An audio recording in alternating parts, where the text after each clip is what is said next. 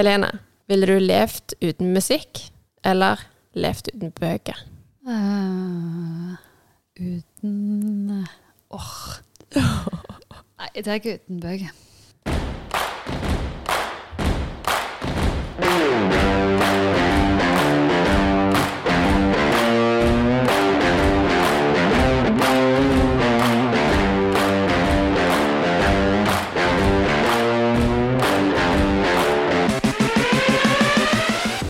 Ja, vi snakker jo ofte om god helse, at det er relatert til levealder. Og det henger ikke bare sammen med det som allerede har vært en del innom, valg, vaner og fysisk helse. Mental helse står høyt på dagsorden, og det er faktisk sånn at lykkelige mennesker lever lenger. Dette er selvfølgelig sammensatt, men det er mye helse i følelsen av lykke, og det er dagens tema. Og før vi går helt i dybden på det, så er det jo ting som henger i lufta akkurat nå, som mange tenker henger sammen med lykke, nemlig penger. Ja, og penger er jo Eller hva er det de sier? Det er sånn ordtak sånn at uh, penger kan ikke kjøpe deg lykke, eller et eller annet sånt. Men så er det jo en liten sannhet mot modifikasjoner. For opp til et visst tak, så på en måte, så blir du ikke lykkeligere. Men det å ha liksom nok til å kunne forsørge familien, og ha nok til å kunne betale regningene, det er jo viktig for at liksom du skal ha ikke den økonomiske belastningen, da. Men så er det jo ganske sjukt det som skjer nå, med liksom matprisene øker, strømprisene, alt i sammen. Det er jo veldig dagsaktuelt. Og vi har et vennepar som eh, er grønnsaksbønder, som ikke kan ta opp Jeg tror det er sånn vet ikke hvor mange tonn med gulrøtter de ikke kan ta opp pga. strømprisene er sånn det er nå. Det er bare et tapsprosjekt rett ut. Liksom. Det er jo bare så trist. Ja. Jeg begynte faktisk å grine da jeg leste den artikkelen. Jeg bare Fy søren, det folk står i. Ja. Samtidig så er det jo sånn at um vi hører jo foreldrene våre snakke om disse rentene som var på ja, kanskje var oppe i 20 mm. eh, når vi var små. I hvert fall jeg var liten. ja, jeg òg. og da er det jo sånn OK, kan vi ligge på rundt tre nå? Og det, det, er klart det er en stor endring for oss i økonomien, men eh, det er generelt noen helt vanvittige eh, endringer, og det er jo bedriftene som, som rammes hardest nå. Men hvis du ser på personligøkonomien, da, så er det jo Strømstøtten har jo vært utrolig viktige for uh, veldig mange økonomier. Mm. Og jeg tror jo at uh, altså når selveste Erna Solberg òg går ut og advarer det norske folk mot uh, å si at nå må vi skru ned forbruket, mm. så tenker jeg Jeg har jo respekt for henne, altså. Og så tenker jeg òg at støtte er viktig, men det er nesten som at Altså jeg hørte om ei som, som, driver med altså rådgivning i forhold til penger og personøkonomi. Og der er det jo mye å hente. Mm. Altså hver enkelt mm, Det er mange av oss som har vært der at vi har måttet skru til. Og da er det helt utrolig mange plasser du kan, kan gå, da. Ikke at vi skal sitte og ha en egen faglig pod om, om, penger i dag, men bare mer det at det, det er mange ting vi har vent oss til å bruke penger på som vi kan endre på. Ja, og det er litt sånn det, Dette med bedrifter som sliter, det er jo egentlig en, en, egen sak, så jeg tror ikke ja, ja. vi skal gå inn så mye på det. Det er jo Full bare trist. Full respekt for det de står i, og kjempevondt. Ja. Mm. Men så er det liksom, når du går over til det personlige planet, da, så vet jeg at uh, de aller fleste husholdninger har veldig mye å hente på å være litt bevisste. Og det er jo det alle forbrukerøkonomene òg sier, liksom, at uh, OK, vær obs. Uh, jeg tror ikke vi har klart å ta inn over oss hva hva som kommer til å skje framover. Og vi kan ikke bare gå og kjøpe nye klær hver gang du var litt lei av den genseren, eller nå kom det nå er det inn med grønne blazer. Altså, vi må på en måte ta litt sånn Kjøpte du grønne blazer, eller? Nei, jeg gjorde visst ikke det. jeg hadde lyst på en stund. Men jeg, altså. ja, jeg var faktisk på, på Jernåtta, og det var, det var mange grønne blazere. Sånn. jeg tror det er rosa som kommer nå i høst. Ja, det, det, blir knæsj. Ja, stemmer ja. det. Men jeg så tenkte på det her, for Eh, på mote, da, så, så er paljetter eh, tilbake igjen. Og oi, jeg oi, oi. elsker det. Så irriterte jeg meg litt over at å, jeg hadde et paljettskjørt som jeg var så glad i. Det kvitta jeg meg med, for jeg så ikke før meg at du Så jeg tenker paljett, dongeri, eh, skinn. Ikke hiv det, for det kommer tilbake. Det kommer igjen og igjen. Det eh, så det var, litt, det var litt trist. Men det, jeg syns jo det. Eh, det er mye henta der. Og jeg har hatt sånn bakgårdssalg, og det høres jo ut som at jeg eh, går og for jeg er vilt med klær, men eh, jeg har jo kjøpt, eh, kjøpt inn klær de siste 15 årene og, og, brukt samme størrelsen, sånn at da, da, blir det jo selvfølgelig litt klær til slutt. Mm. Så jeg hadde bakgårdssalg i uh, hagestua. Genialt. Ja, det var det. altså. Ja. Så det er veldig sånn stas, for da føler jeg at det er en del plagg som uh, andre har glede av videre, og så får jeg litt eh, cash inn. Men det er selvfølgelig, jeg gir masse til, til Fretex og, og dette her òg, så jeg syns jo generelt gjenbruk er jeg jo veldig fan av, da. Ja, jeg tenker det går an å bruke plattformer som Theis og finn.no, og vi òg har liksom i perioder solgt unna liksom bare barneutstyr. Bare ta liksom Ikke det at nå, nå skal du begynne å selge under hele huset, men jeg tror at over tid så har vi fått ete opp så mange ting som bare ligger, eller bare kjekt å ha. Og så er det kanskje noen sånne tidløse ting som du kan ta vare på, men så er det kanskje noen ting du kan få vekk for at vi ikke skal være det der sånne hamstersamlere som aldri kvitter dere med ting. Jeg er jo en samler, og så er jeg jo Ja, og kanskje det jeg er absolutt verst, det er på sportsutstyr. Ja. Ja, og skal drive med alt på en gang. Og så ser jeg jo eh, Jeg har jo nevnt den her kitinga mi tidligere. Det skal sies at jeg har kita én gang de siste tre åra. For jeg har vært eh, gravid eller ammende, eller ja, Det er ikke sånn kjempelett å få til med de små på stranda akkurat. Så jeg endte opp med å selge en av kitene mine nylig. Men jeg trodde jeg skulle bade mer på det, altså. Det gikk fint. Du har ikke kjent på det?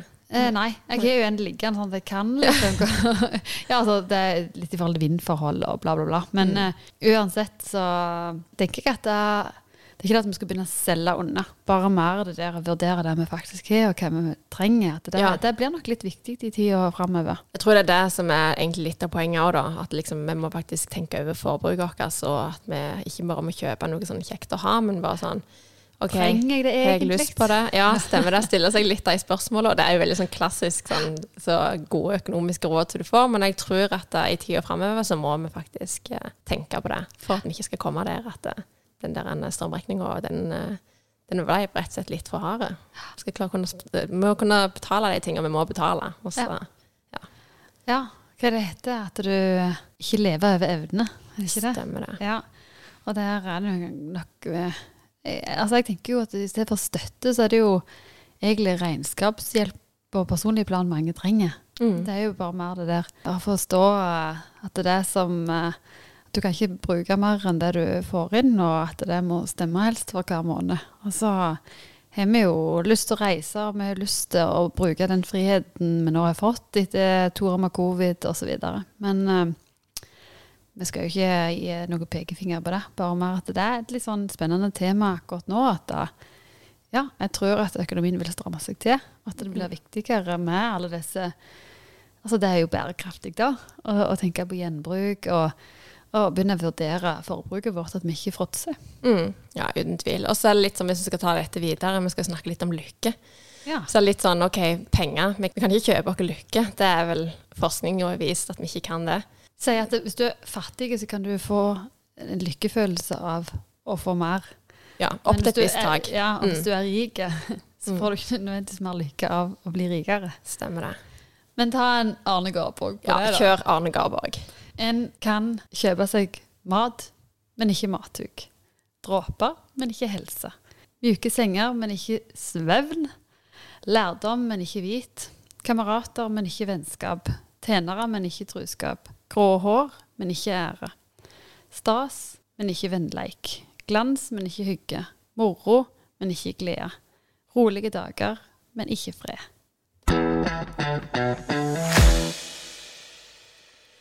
Ja. Koselig på nynorsk, da. Ja, det er veldig nostalgisk her. Ja, ah, vilt koselig. Eh, Det er veldig bra dikt, altså. Arne Garborg, han eh, lever videre i ikke på, ikke på skikkelig, men Ja, nei, i mye gode, I kloke, kloke ord. ja. Ja. Det er veldig bra. Når vi snakker om lykke, da, så, så har vi snakket om det at ja, ok, penger kan ikke gjøre deg lykkelig når du bikker et visst punkt. da. Og det er ganske mye forskning som eh, har vist hva som faktisk gjør deg lykkelig. da. Det er å vise takknemlighet. Det er jo ekstremt hvis du leser masse bøker i New York Times bestselgerliste, så er det veldig mye sånn snakk om takknemlighet. Du kan også gi til veldedige formål, eller gi gaver til folk rundt deg. Være ute i naturen, trene. Altså mange ting som viser at eh, dette er bevist, gir deg mer lykke, eller kjenner på lykke. Men uh, i dag så skal vi fokusere på én ting, og veldig mange tenker jo at meg og deg er liksom, vi bare snakker helse og trening og kosthold og sånn og sånn. Men noe av det som er faktisk viktigst for både meg og deg, som vi snakker veldig mye om, kanskje ikke i sånne foredragssammenhenger, men som vi snakker veldig mye om på det personlige planet meg og deg imellom, det er nemlig noe som er ekstremt viktig, og det er nære relasjoner. Ja, vi er jo ganske enige om, og dette har vi jo sett altså, Det er noe som er, ligger oss nært eh, i forhold til lykke. Eh, det så vi i dag. Vi tok en liten runde på huset og spurte folk om hvis vi skal si to ting som ga lykke. Så var det jo Bare kona er fornøyd. Eller Ha det godt Ha det hjemme. godt hjemme. Ja. Eh, Den, den eh, henger jo høyt eh, hos, hos alle, tenker jeg. Men viktigheten av det, og hva det gjør med oss hver dag, det går vi jo inn på. For vi ønsker jo å opprettholde dette. Og så vet vi at det krever noe av oss hele veien. Jeg gifter meg jo i sommer, og da går du jo så Når du skal skrive denne talen, så går du jo mange runder med liksom hvorfor, hvorfor akkurat oss. Eh, og hva er det som gjør oss bra, og hva er det som gjør at vi kan få til dette sammen i livet. Mm. Så eh, jeg var jo i et bryllup òg i helga. Ja, stemmer det. Og da eh, sier presten det som jeg har litt lyst til å gå inn på. Vi er jo ikke parterapeuter, så det er, jo ikke, det er jo ikke der vi vil i dag. Men allikevel er det noe vi har drodla mer rundt etter et eh, tema som vi vet, altså lykke henger sammen med helse. Mm. Og så henger lykke sammen med nære relasjoner. Og presten han snakket om eh, kjærlighetens fem språk. Og det er jo noe vi har snakket mye om. Ja, altså når jeg var jeg tror jeg var sånn 16-17 år, så snakket jeg med ei som Hun var litt sånn mentoren min da, i den fasen. Og så sa hun til meg bare sånn første, En av de første gangene jeg møtte henne, bare sånn Ann-Len, jeg har ei bok som du skal lese. Og jeg vet det skrives veldig mye om ekteskap, men hun var bare sånn Denne skal du lese, for at du trenger den i alle relasjoner du kommer til å ha resten av livet ditt. Og det var boka 'Kjærlighetens fem språk'. Og, og den har bare vært Altså, jeg var ung da, jeg har lest den igjen på ny eh, i litt mer voksen alder etter jeg fikk meg partner og sånn. Da så leste jeg den med litt andre øyne. Da tenkte jeg ikke så mye på vennskap, men uansett hva slags relasjoner en har, så er denne boka ekstremt nyttig. Du har lest den, du òg? Ja, jeg syns jo det er ganske Du var ganske hva si, forut din tid og leste den da du var 16. Eh, det hadde jeg òg hatt godt av å gjort eh, i mange relasjoner. Men eh, i forhold til tilbake til når jeg eh, gifta meg nå, så spurte jo presten eh, oss når vi var til sånn samtale først, eh, om vi kjente til den. Og det gjorde vi. Fantastisk. Eh, så jeg vel kanskje ikke tok den sånn skikkelig i bruk eh, før jeg traff han som jeg nå er gift med. Jeg kjente til det, men jeg har ikke vært flink nok å ta inn over meg hvor sterkt verktøy det er i mange relasjoner, da.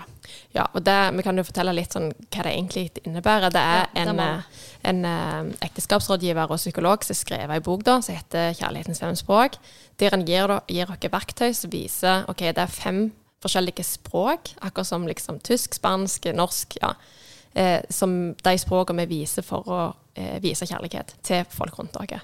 Og vi tenker ofte at eh, alle forstår jo mitt språk. Vi snakker jo samme språk. Og det er ikke sånn at jeg kan snakke spansk til deg, så at du sliter, liksom. Men eh, jeg snakker jo norsk til deg, og du snakker norsk tilbake. Og det er sånn er vi ofte med, når vi viser kjærlighet til folk og skal vise at ja, vi bryr oss. Så gir vi ofte det språket som vi foretrekker sjøl. Men så er det ikke sikkert de andre forstår det språket, eller så har det på førsteplass, andreplass. Så det er Nei, det er jo litt sånn det der med å føle seg eh, sett. Så er jo ikke det at eh, Du vil jo alltid gi det du sjøl opplever som det beste du kan få. mm, Men det betyr ikke at det er det beste den motsatte par kan få. Det er jo i parrelasjoner, det er jo i vennskap, det er jo i familierelasjoner. mm. Eh, så Og i, i barn. Altså, Barn, absolutt.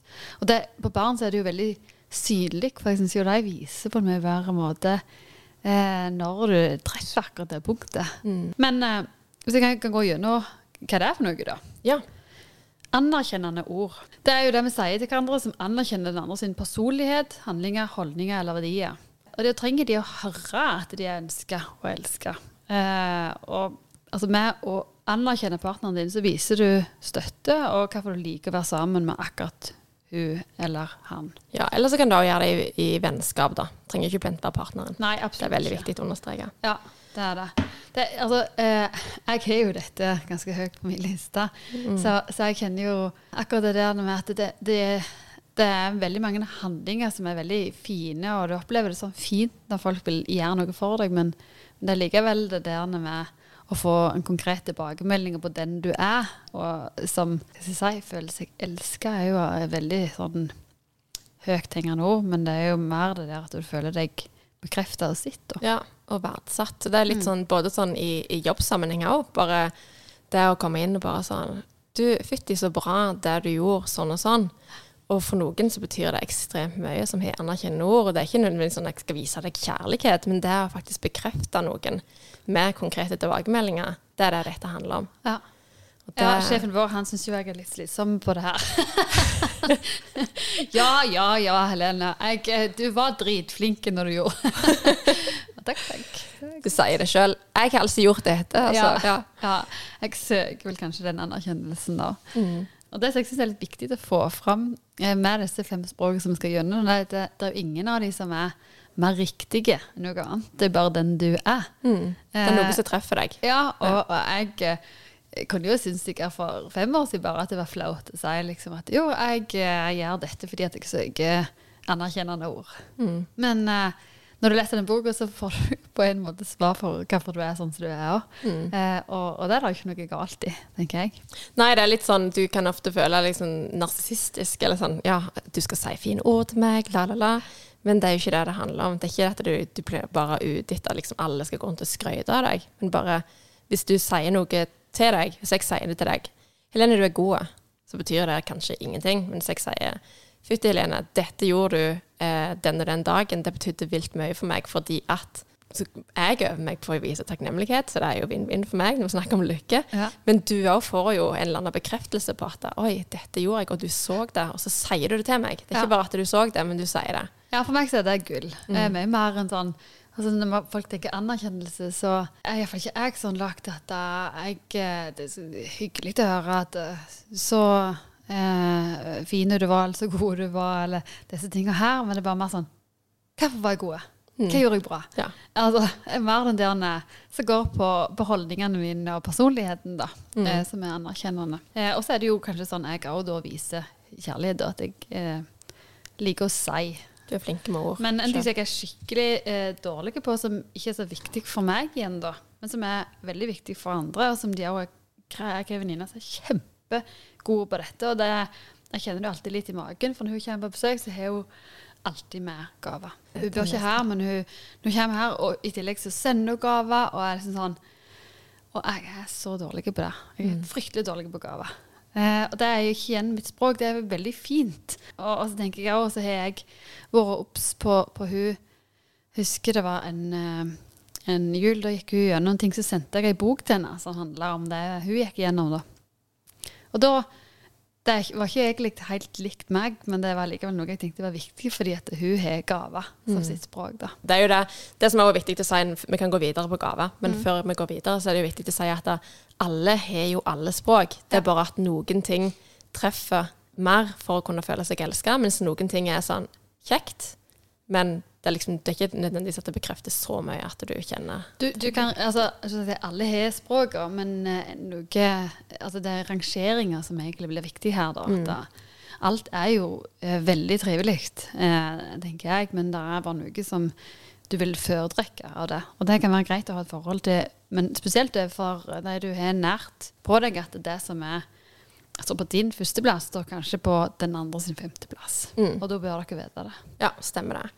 Eh, Men vi kan gå inn på gaver, da. Gaver kan være både små og store. De kan være, de kan være veldig dyre, men de kan også bare være helt en blom på når du går en tur og plukker med deg.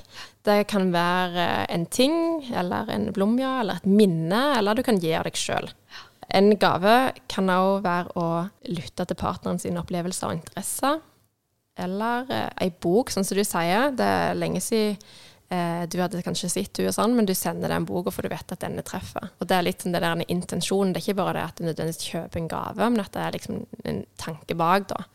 Et symbolsk tegn, egentlig, eh, på, eh, på kjærlighet. Mm. Stemmer det. Og det, jeg, jeg syns også personlig at denne, kanskje, denne er ganske langt ned på min liste.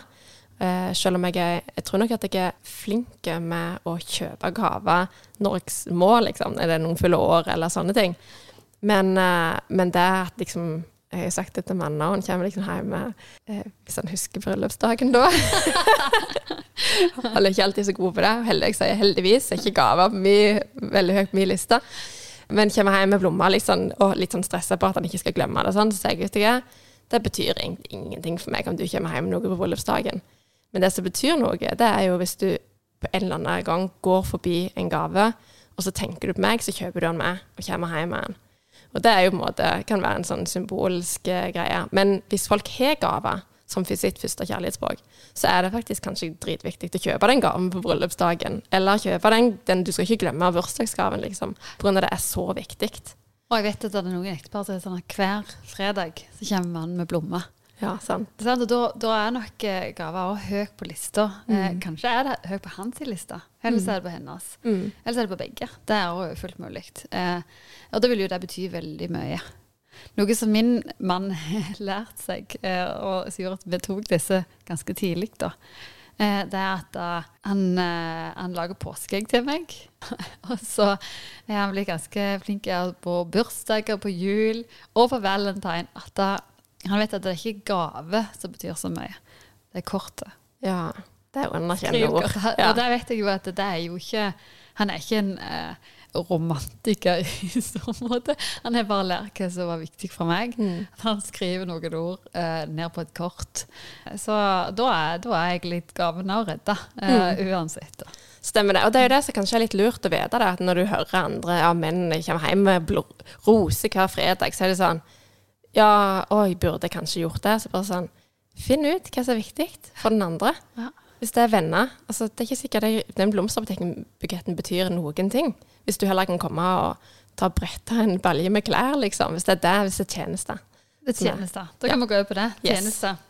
Det er jo at du eh, gjør, eh, gjør noe Mm. eh, for en annen. Enten partner eller venn. Det kan jo være alt ifra at den lager middag, at den har ordna noe til du kommer hjem. Så du sier til, til venner å bare komme og hjelpe dem med eh, unger. Eller jeg opplevde jo det det er litt småbarnsfasen. Noen veldig gode venner som på en måte bare altså Derfor tror jeg tjenester henger ganske høyt hos meg, for jeg vet bare hvor ekstremt takknemlig jeg var. Spesielt for de tjenestene som bare skjer uten at du har bedt om det, da. For det er veldig vanskelig å be om, og det er jo derfor det er så veldig mye kjærlighet i å få noe som du ikke har bedt om. Bare kom og bare 'Helene, nå tar du en time hvil, eller hva enn du vil, og så tar jeg med meg ungene. Og alle som er i småbarnsfasen, jeg tror nok generelt altså er med noen bare ser hva fase du er i livet, og hva du trenger, eh, så, er det, eh, så er det fantastisk å oppleve. da. Mm. Og det jeg tenker for de som har tjenester på førsteplass, så er det jo dette helt grunnleggende for at de skal føle seg sett og elska. Stemmer det. Og det, jeg er et vennepar, da. Da vet jeg at eh, mannen har tjeneste. Og der er hun kona helt rå. Hun liksom, hvis han har vært vekke, hun vasker huset og lager middagen klar og liksom gjør ekstremt mye. Og det er ikke fordi at liksom skal være sånn picture perfect eh, husmor, men bare hun er vilt sånn intentional. Bare sånn OK, jeg vet at dette betyr dritmye, derfor gjør jeg det.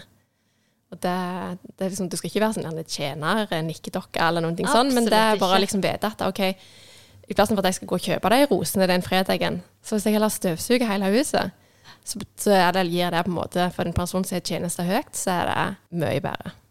Ja, altså, min, min mann har det ikke høyest på lista, men høyt. eh, Så, så der er jo en, en plass jeg sjøl tenker jeg sånn Nå går jeg ut og klipper plenen før han kommer hjem, og så vet jeg at han blir glad for det. Ja. Eh, så ja, det er bare mer eksempelvis på eh, Alle forstår jo begrepet tjenester, men eh, jeg tror at de som har det på førsteplass, eh, vet veldig godt hvor høyt de setter pris på akkurat det. Ja, og så er det litt viktig å vite at eh, vi, vi gjør det fordi at vi ønsker å gi et uttrykk for at vi bryr oss. Og da vil du kanskje gjøre ting som du vet betyr noe. At du ikke bare gjør et eller annet sånn hvis du, Sånn som i deres forhold, da, så er det jo du som bryr deg om å vaske bilen, sånn som jeg har forstått.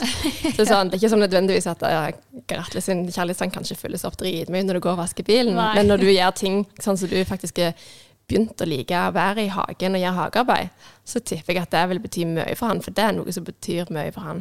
Ja. Og så at du faktisk har gjort en innsats for å, for å gjøre det, Ja. og like det. Ja, eh, ja du, du, du lærer deg jo hva, hva de syns er gildt å ha på stell, da. Eh, så, så det vet jo han med meg, og, og motsatt. Og jeg tenker at i, i alle relasjoner da, så er det nok tjenester det som viser best igjen når det gjelder språk, og at da, eh, de aller fleste kan jo tenke at tjeneste er en veldig snill ting å gjøre eh, for en annen person. Og som du sier, i forhold til lykke, at da, eh, det å hjelpe, det gjør jo alle godt. da. Mm. Ja, det gjør det jo. Så jeg tror jo at de aller fleste Jeg tror ikke det er så kjempemange som har tjeneste kanskje på bånn. De aller fleste vil nok kanskje ha en sånn i midtsjiktet eller høyere. Ja. For det at, eh, men det er jo fordi at vi har jo travle liv, så at noen gjør noe for oss i kjærlighet, det vil jo alle kjenne på, Ja. vil jeg tro. ja, absolutt. Yes. Og så kan vi ta og gå inn på tid for hverandre. Det er altså mitt eh, toppspråk. Ja. Og dette kjærlighetsspråket det handler om å prioritere tid til å være i lag. Og tid er jo noe vi har ganske lite av i hverdagen. Du kan vise at du har lyst til å tilbringe tid i lag med å liksom invitere dem på ting, eh, venner eller kjæreste, eller å passe på at liksom det er udelt oppmerksomhet.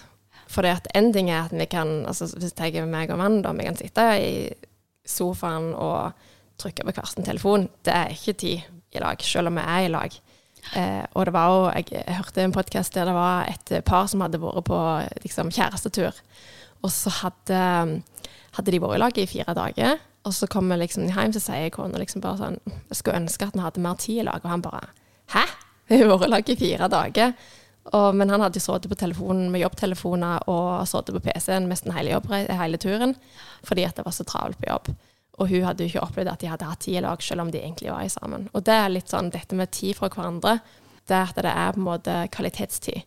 Og det, jeg merker jo sjøl at hvis jeg sitter i lag med venninne, da, og vi sitter og snakker, og så er det noen som bare sitter og scroller på Instagrammen, og det er sånn for min del, jeg vet, jeg sier jo ikke noen ting til, men da er sånn, jeg kjenner at det er en ting som bare ødelegger så sinnssykt mye. For det er bare Det det demonstrerer bare noe så ekstremt Ja, det er en skikkelig uting. Ja, det er sånn Å, nå er egentlig du ganske kjedelig, eller jeg er ikke så interessert i det du sier, så Mm. da melder jeg meg litt ut av akkurat dette. Ja. Ja, eh, det står jo, eh, som heter mine hovedspråk, eh, altså klart at det blir at vi snakker litt varmere, kanskje, eller mer om akkurat det. Eh, og det er jo igjen ikke for at det er viktigere enn noen av de andre, men eh, tid, og jeg tror det som du sa, udelt oppmerksomhet, det gir jo en helt annen tilstedeværelse. Og at du evner å se eh, den andre parten mye bedre. Ja, og da blir det litt sånn det, altså, Tar med partneren, så er det liksom én ting. Og så, så går jeg inn i, i vennskap eller med ungene.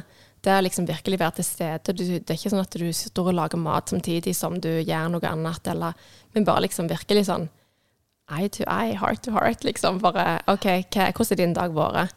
Hva står på i familien deres? Hva skjer nå? Og stille de spørsmåla.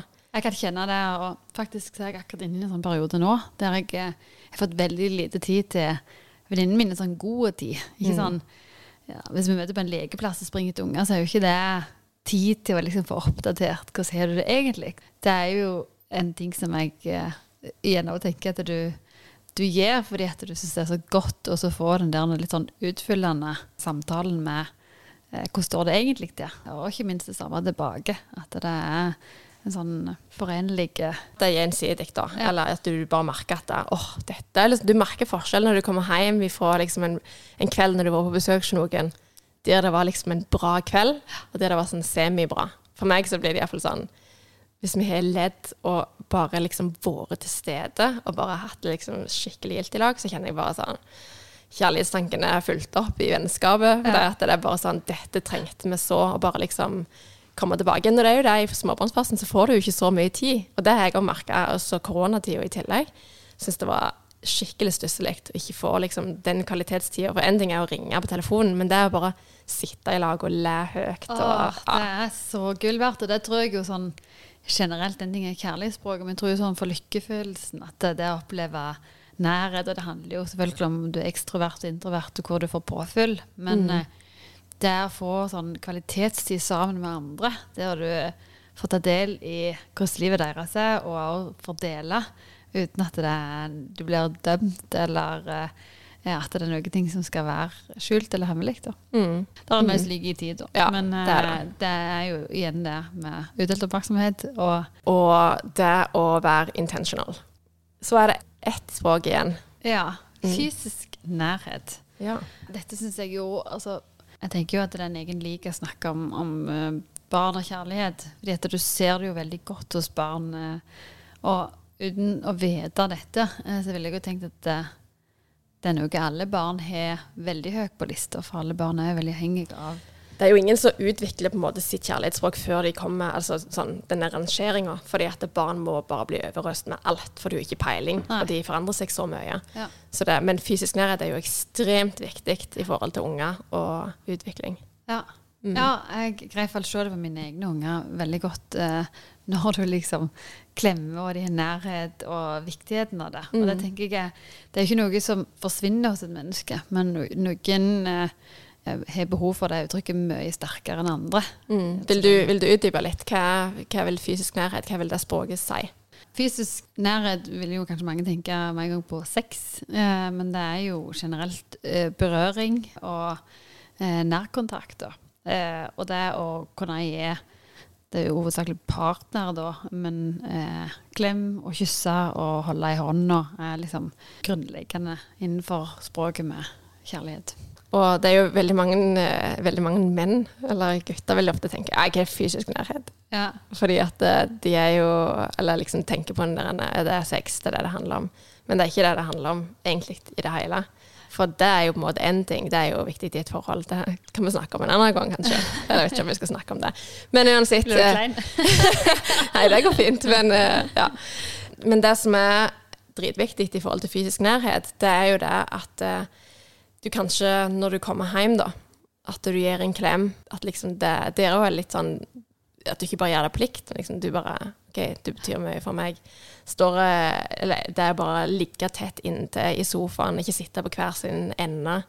Bare liksom hvor mye den lille forskjellen kan utgjøre for en person som Stryk og berøring og så den der eh, Å holde i hånd og Jeg syns det er helt nydelig å se eh, eldre ektepar som kommer gående hånd i hånd. Ja. Ja, og du kan jo se dette i alle aldersgrupper, og uavhengig av hvor lenge det har vært et forhold. For dette her er jo kanskje mest naturlig. Dette skjer jo også i vennskap, og helt naturlig der òg, men vi ser det jo oftest iallfall i et parforhold. At de tar vare på den delen. Stemmer det. Og det, dette kan jo være noe som veldig mange kan synes er vanskelig. Eh, og det, det kan jeg kjenne meg litt igjen i sjøl. For det, det er litt sånn her på Jæren, eller i vår familie òg. Eller det er ikke sånn at alle på Jæren er sånn, men vi har litt mer sånn firkanta boks, intimgrensene, liksom helst ikke komme og klemme meg, eh, litt sånn. Og jeg har òg vokst opp sånn at vi liksom ikke vært så veldig klemmete. Og syns at det har vært litt sånn utfordrende å liksom må ta meg sjøl i det, selv om jeg setter vilt pris på det. Og jeg husker bare når jeg var jeg var kanskje sånn 16-17 år og begynte liksom å reise litt vekk fra Vigerstadbygda til litt andre bygder. Og så plutselig så kom jeg inn i en vennegjeng der liksom alle klemte hverandre. Det var sånn, Når jeg kom, så fikk jeg klem, og når jeg gikk, så fikk jeg klem. Og jeg bare elsket det. Det var helt sånn, Jeg følte meg så verdsatt, og det var så mange folk som klemte meg som jeg ikke kjente kjent engang. Og jeg bare Dette var så godt å få lov til å kjenne på. Og bare liksom det å ikke undervurdere hvor mye de der småtinga Det er liksom du er, du er jo i den sosiale tilstelning, og så kommer liksom partneren og bare legger ei hånd på skuldra. Bare sånn Det er jo bare ei hånd, men bare sånn Jeg ser deg. Ja. Jeg, du betyr, det, det betyr så mye, det bare den der lille greiene der. Og det er jo, altså når du har det på topp, så er jo det helt elementært. Men så er det jo også mange som uttrykker det på den måten. Jeg kjenner meg også veldig igjen i den der når du reiste vekk herifra. For det er jo litt sånn jærsk kultur eh, at det ikke liker så mye med den klemminga, f.eks., når du møter noen. Det er noen som er kjempeflinke på det, alltid har vært det, men eh, ikke på samme måte som mange andre plasser. Eh, Jeg har jo bodd i Oslo og, og Bodø, og der var det jo veldig klemming, så jeg syns jo i starten at det var veldig rart. Og jeg ble helt sånn stiv. okay. Du er den kleine klemmeren, liksom. ja, jeg eh, fikk ikke helt det til i starten. Og så syntes jo folk det var kjemperart når jeg liksom kom hjem, spesielt når jeg hadde bodd vekk en stund, og alltid skulle klemme. Og sånn øh, Hva er det hun holder på med? Nå kommer hun inn fra storbyen og skal være sånn klemmete. Men øh, jeg tenker jo til du sier at det er jo Det er jo bare fint. Mm. Eh, altså, jeg må trene meg faktisk litt etter covid på å klemme igjen. Ja, og, det, og for min del da, så er det sånn hvis det kommer ukjente folk og klemmer meg nå, så syns jeg det er veldig rart. Bare sånn. Men når du har det liksom i nære relasjoner, eh, og folk bare det er lenge siden du sitter venninne, og du gir starter dagen med en klem, bare sånn 'Jeg kommer på jobb i dag'. Lang historie, da, men jeg har vært på litt sånn undersøkelser på sykehuset. Sjekka noe hudkreft og noe greier, fått avkrefta det, og bare kommer inn døra. Og du bare møter meg med liksom armene ute og gir meg en galegod klem. Det var bare sånn Å, fy søren, så deilig. Ja. Ja. Og det, det er bare vite det. At ja. Og jeg må jobbe vilt med liksom bare huske det. Men akkurat det å klemme folk når du ser dem, det er liksom veldig sånn i ryggmargen. For det har jeg liksom gjort helt siden jeg var 16. Så du fikk uh, boka med kjærlighetens Så jeg språk? fikk boka med kjærlighetens fremmedspråk. Nei, så jeg reiste vekk Ja, ja, og fikk sånn var det. oppleve hvor godt det var. Men, eh, men det er Ja. Det er, det er å finne ut hvorfor et eh, kjærlighetsspråk de forskjellige vennene har. Det er sånn jeg tenkte på i forkant når vi holdt på å forberede dere til dette. Bare sånn, gikk gjennom ok, hun venninna, hva er hun? Hun venninna, så er det sånn Oi, det er mange venninner jeg ikke vet hva er. Ja, og det må jeg innrømme at jeg òg altså, Selv om dette ikke er ferskt, eh, så er det jo likevel en sånn ting som jeg tenker du jobber med hele livet. Og liksom min nummer én å bli kjent med dette språket har jo vært min nærmeste, eh, som da er min mann. Eh, og så er det jo i de nærmere relasjonene å være klar over det. Jeg kan nok liksom nevne til de nærmeste venninnene mine hva som er, og også i familie, hva som er deres språk. Og så betyr ikke det nødvendigvis at jeg er eh, flink å gjøre det. Det jeg vet jeg trenger mest. For når du er altså Der en gjerne både i, i heimen, men også utenfor, eh, opplever en sånn krasj, det er jo at når du har lite overskudd og energi, og ikke nødvendigvis er på en god plass sjøl, så er det vanskeligere å gi av et språk som ikke er ditt. Og så er det veldig fort gjort å tenke, eller det merker jeg sjøl, sånn som når, når du er litt low sjøl, du er liksom din kjærlighetstanke, hvis du tenker at vi har en kopp, da, ja. og min kopp er veldig tomme, så bare henger jeg meg opp i at min kopp er tomme. Jeg trenger mitt språk. Ja. Men det er kanskje da du kanskje skal gi. fordi at eh, hvis du gir, så vil du òg kanskje få tilbake. Liksom, ikke det at du skal gi for å få tilbake, men òg det å lære seg andre sitt språk. Men når vi er low, så vil vi ofte gå til vårt eget språk og gi det heller. For det er det du trenger sjøl. Der eh, vet jeg ikke helt hva forskningen sier om akkurat det. Eh, Jeg tenker jo generelt, du sier at når du øser med noe, så gir det noe sjøl. Men eh, så tror jeg jo òg at da, i gode relasjoner, nære relasjoner, så, så trenger det ikke nødvendigvis alltid være likt. Altså, Av og til så du, hjelper du å fylle den andre sin tank, og motsatt. Og sånn vil det jo være et parforhold òg. Det er ikke sånn at eh, begge til enhver tid føler at de har fått fulgt opp denne tanken. Så det rauseste du kan gjøre, er jo selvfølgelig å gi når du egentlig er tom sjøl. Men jeg er ikke sikker på om det nødvendigvis fyller deg opp. Nei, og så tenker jeg i de settingene da, så er det kanskje lurt å bare Vet du hva, nå er jeg ganske low. Sånn er vi ofte hjemme hos. Det er sånn hvis det har vært veldig travelt, og jeg merker at nå har vi hatt lite kvalitetstid. Litt sånn som jeg sa i forkant av sommeren, vi har liksom vært masse med folk og sånn, men liksom meg og mannen hadde liksom ikke fått så veldig mye tid i lag.